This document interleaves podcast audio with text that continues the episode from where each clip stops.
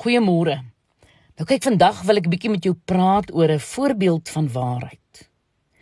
Kom ons kyk 'n bietjie hoe ware belydenis en vergifnis in die lewe van een van die disippels plaasgevind het. Nou onthou jy vir Petrus. Prikkie swaard uit en verraai die Here. Petrus, die apostel wat die een oomblik groot gepraat het en die volgende oomblik weggehardloop het. Hy het geslaap toe hy moes bid, hy het verraai toe hy moes verdedig. Jong, hy het gevloek toe hy moes vertroos en hy het gehardloop toe hy moes bly staan. Ons onthou Petrus as die een wat omgedraai en gevlug het. Maar onthou ons Petrus as die een wat teruggekom en bely het. Hm? Onthou ons hom so. Ons behoort dit te doen. Ek het 'n vraag vir jou. Hoe het die skrywers van die Nuwe Testament van sy sonde geweet?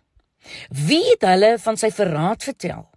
En nog belangriker, hoe het hulle die besonderhede geken? Wie het hulle vertel van die meisie by die poort en die soldate wat die vuur gemaak het? Hoe het Matteus geweet dit was Petrus se aksent wat hom verdag gemaak het? Hoe het Lukas van Jesus se starende blik te hore gekom? Wie het vir al vier die evangelieskrywers van die kraaiende haan en die vloeiende trane vertel? Die Heilige Gees? Seker.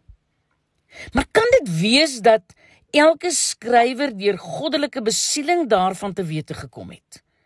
Of meer waarskynlik het elkeen deur 'n eerlike belydenis van die verraaier self van die verraad gehoor? Ja. Petrus het homself oorgegee. Jy sien iewers het hy in die strate van Jerusalem gaan stil staan. Hy het opgehou hardloop. Hy het op sy knieë neergesak, sy gesig in sy hande laat sak en hy het oorgegee. Maar hy het nie net oorgegee nie, hy het ook oopgemaak. Hy het teruggegaan na die kamer waar Jesus die brood gebreek en die wyn geskink het. Ja, daar staan hy. Jong, elke stukkie van hierdie forse man staan die deur vol. Manne, ek het iets op die hart. En dit is waar hulle toe van die vuur en die meisie en die blik van Jesus hoor. Dit is hoe hulle gehoor het van die kraaiende haan. Dit is hoe hulle die storie gehoor het. Hy het homself oorgegee. Jong, as jy Jesus beleef het, weet jy een ding is waar. Jy kan nie sommer net van hom af weghardloop nie. Van diep binne in jou is daar iets.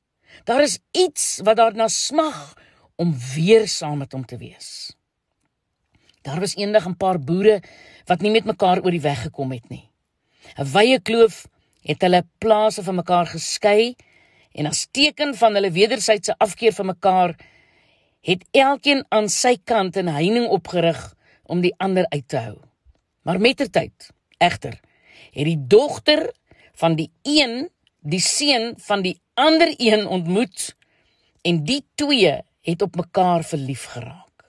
Vasberade om nie toe te laat dat hulle paas se probleme hulle uitmekaar hou nie, het hulle die heining afgebreek en die hout gebruik om 'n brug oor die kloof te bou.